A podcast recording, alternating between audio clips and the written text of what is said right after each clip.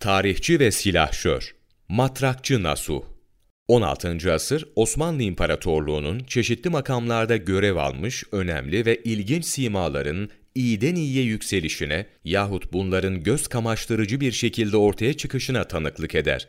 Bu simalar, resmi görevlerinin yanı sıra ilgilendikleri bilim dalları ve sanatlarla ilgili olarak vücuda getirdikleri eserlerle yaşadıkları devrin kültürel ortamını etkilemiş ve sonraki zaman dilimlerine de tesir etmeyi başarmışlardır.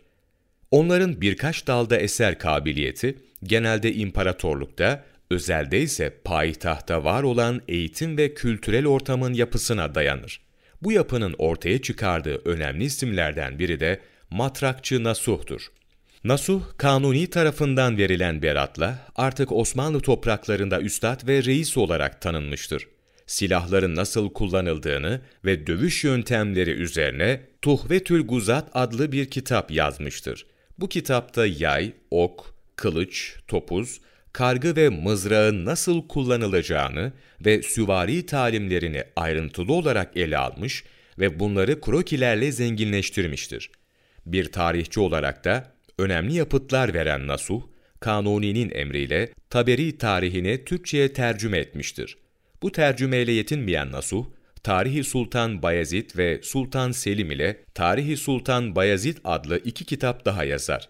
Bu kitaplarında ise meskur padişahların dönemlerindeki olayları anlatmıştır.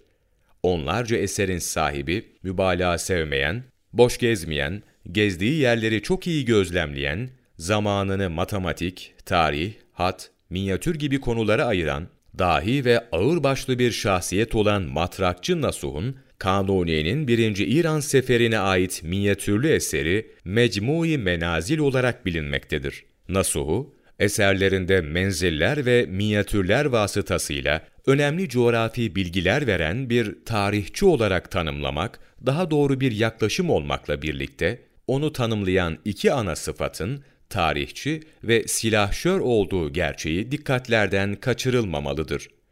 Davut Erkan, Matrakçı Nasuh'un hayatı ve eserleri üzerine notlar. Sayfa 181-192 28 Ocak Mevlana takvimi